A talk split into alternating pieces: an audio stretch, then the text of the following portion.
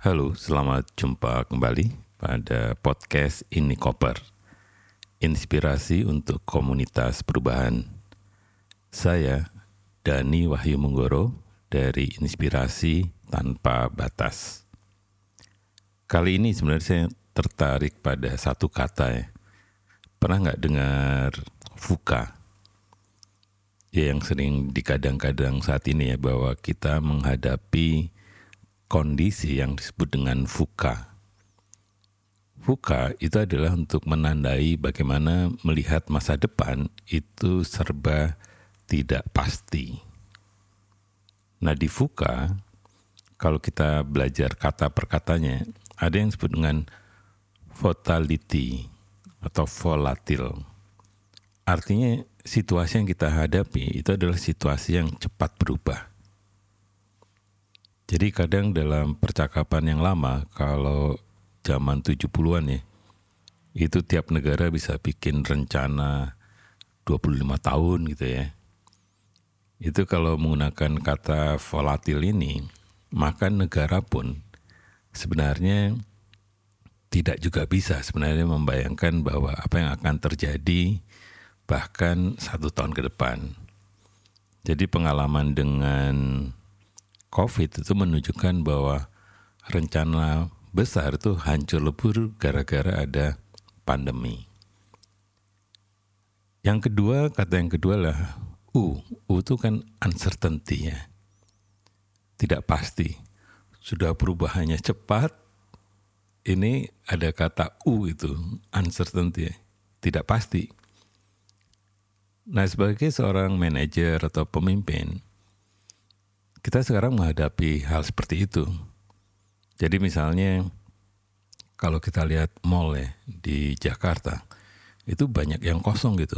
Saya baru pagi tadi itu lihat di YouTube bagaimana mall yang paling besar gitu di Jakarta itu juga mulai sepi dan banyak apa tenannya tuh yang kosong gitu, tutup. Nah ini juga menunjukkan bahwa tadi kalau kita membicarakan banyak hal ya dalam situasi saat ini, mau jalurnya digital maupun jalurnya non digital, itu kita menghadapi bahwa situasinya itu uncertainty, tidak pasti gitu. Jadi ada beberapa yang bisa untung dalam situasi ini, ada beberapa bahkan lebih banyak itu yang buntung dalam situasi seperti ini. Nah, yang ketiga itu kan complexity. Nah, ini konsep yang paling susah ya. Jadi complexity ini sebenarnya ingin memberikan gambaran bahwa apa yang kita lihat itu tidak selamanya benar. Benar dalam mindset kita ya. Jadi situasinya itu kadang kita membayangkan banyak hal itu dari ruang yang tertutup gitu. Mirip kita kerja di kantor ya, di gedung-gedung tinggi gitu, kemudian membuat rencana untuk orang banyak. Padahal orang banyak itu ya sangat kompleks. Itu kalau orangnya banyak ya. Tapi orang itu kan macam-macam ya dari budayanya, dari perilakunya, dari kebutuhannya. Macam-macam sebenarnya belum tentu apa yang kita bicarakan di ruang ber-AC itu di kantor-kantor, baik kantor pemerintah maupun bisnis, kalau Anda tidak tanya langsung ke orang yang akan menjadi sasaran intervensi kita, itu ya nggak bisa, karena situasinya itu memang betul-betul kompleks saat ini. Orang menyebutkannya itu terlampau apa ya? Artinya mereka sudah hiper apa hiperinflasi informasi gitu. Jadi kalau kita sebagai guru aja saya pernah juga di sebuah kampus yang mereka merasa bahwa mulai ketakutan karena murid siswa atau mahasiswanya itu lebih pinter daripada guru atau dosennya. Karena tadi kita melihat orang mungkin di rumah saja, tapi bisa jadi mereka sedang belajar sesuatu di rumah-rumah itu. Gitu. Nah yang keempat kan yang disebut dengan ambigu. Ya, jadi karena memang uncertainty udah tadi ya, complexity sudah, volatil sudah. Nah, ambigu sebenarnya adalah bahwa sebuah kenyataan saat ini itu bisa punya tafsir ganda gitu. Mirip yang kita hadapi sekarang kalau uh, ya mengamati ya perang antara Israel dengan Hamas itu disinformasinya banyak gitu. Yang membuat banyak pihak itu juga bingung untuk berposisi gitu. Yang paling aman ya menyebutkan bahwa kita harus mendukung Palestina merdeka, tapi isu yang sebenarnya ya dihindari oleh banyak negara dan ada negara yang justru lebih support Israel karena memang ya mereka pendukung-pendukung utamanya Israel dari dari awal ya jadi ada kronologis kesejarahannya juga gitu. Nah di sini sebenarnya yang ingin ingin saya sampaikan adalah bahwa situasinya itu adalah kalau kita melihat sesuatu tidak bisa bahwa tafsirnya itu tunggal bisa jadi ada tafsir lain gitu. Nah, apalagi dengan zaman YouTube seperti ini ya. Saya kadang sekarang juga bingung berita yang benar itu yang mana gitu. Saya selalu lihat ya apa? Ya siapanya, kemudian channel apa dan sebagainya, apakah juga bisa dipercaya atau tidak. Saya tidak akan melihat orangnya dulu gitu. Bahkan di channel-channel besar ya, saya sekarang mulai ragu-ragu juga gitu karena cara berpikirnya, mindsetnya itu sangat-sangat beda dan menjadi kelihatan aslinya gitu. Nah, di sini saya ingin fokus pada tadi ketika fuka maka sebenarnya saya lebih melihat bahwa cara berpikir ini itu sering disebut sebagai new science ya. Yang kedua sebenarnya adalah kita harus belajar cukup dalam ya tentang apa itu complexity.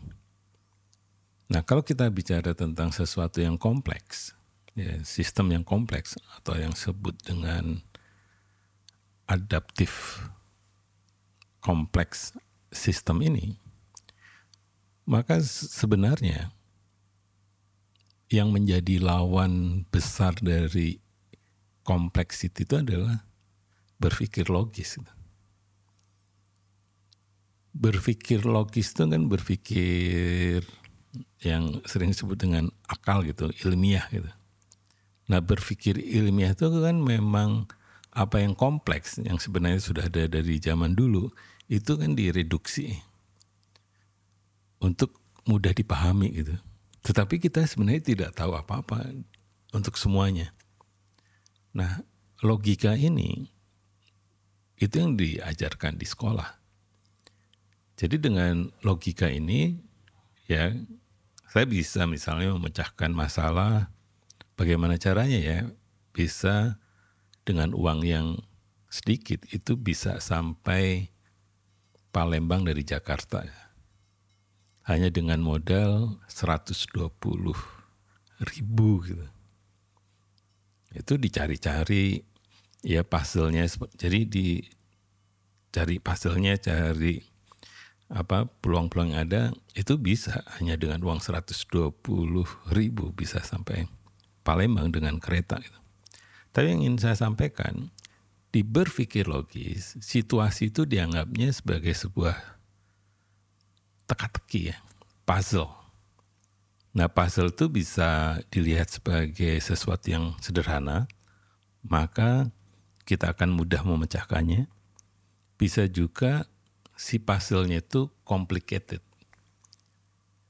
Nah, baik yang simple maupun complicated, itu dalam konteks berpikir logis kemudian yang muncul adalah kita menawarkan proses misalnya sebagai solusi. Itu yang kemudian muncul manajemen. Kita membuat prosedur, tahapan, ya langkah-langkah. Itu adalah cara berpikir logis. Karena si problemnya kita lihat sebagai sesuatu yang sederhana atau complicated. Nah, kalau kita bicara tentang tentang tadi berpikir logis, mau berpikir logis itu solusinya ya yang disebut dengan tahapan, step, proses gitu. Nah, kalau berpikir kompleks itu justru lawan dari berpikir logis. Karena di sini mengakui bahwa problemnya kompleks. Nah pertanyaannya apa itu kompleks? Ini agak beda dengan complicated ya. Kalau complicated itu dia seolah-olah ya rumit, tapi bisa diurai ya. Kemudian kemudian bisa ditata gitu.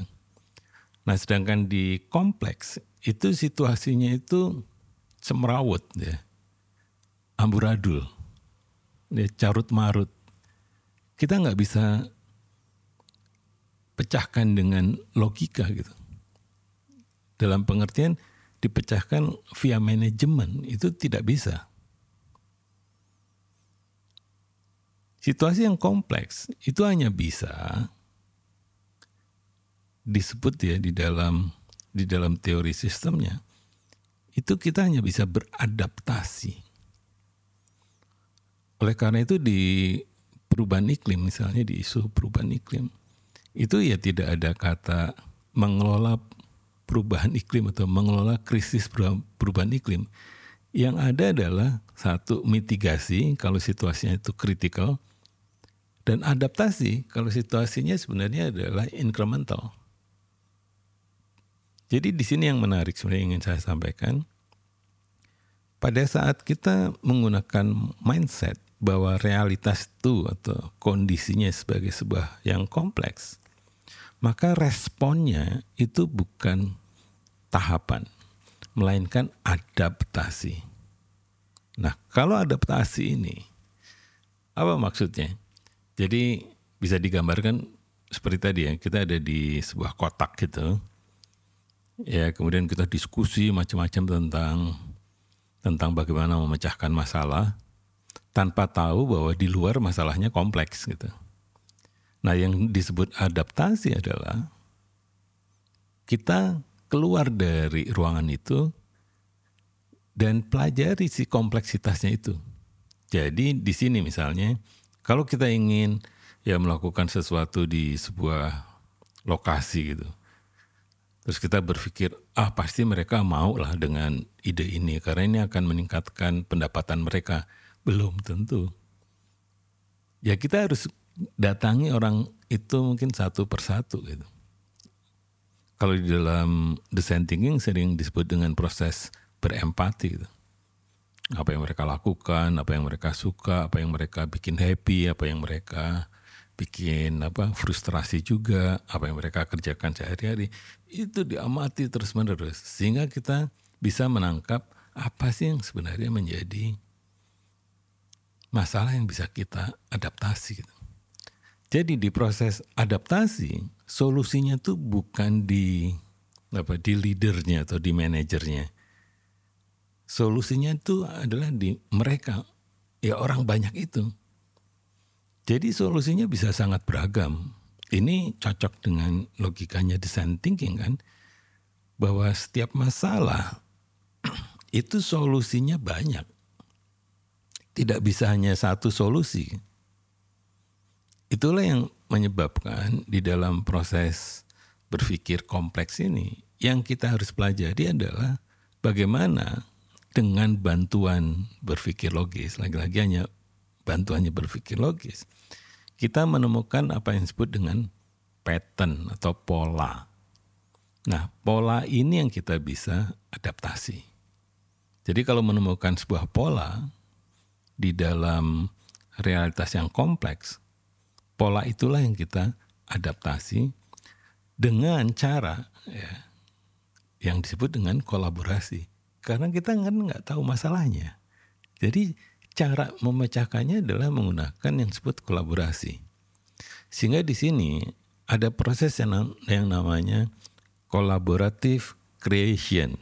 Ya, jadi cara menemukan polanya juga berkolaborasi. Kolaboratif design atau co-design, merancangnya pun berkolaborasi. Ada kolaborasi, kolaboratif action, co-action. Actionnya sendiri juga kolaborasi. Jadi kolaborasi itu baru terjadi kalau kita sama-sama menggunakan complexity sebagai sebuah mindset. Karena ketika memahami patternnya, maka sebenarnya tidak bisa diintervensi dengan project atau program. Ya kita bisa selesaikan lewat kolaborasi itu dengan ya menghargai solusi-solusi yang sifatnya tadi independen, autonomous.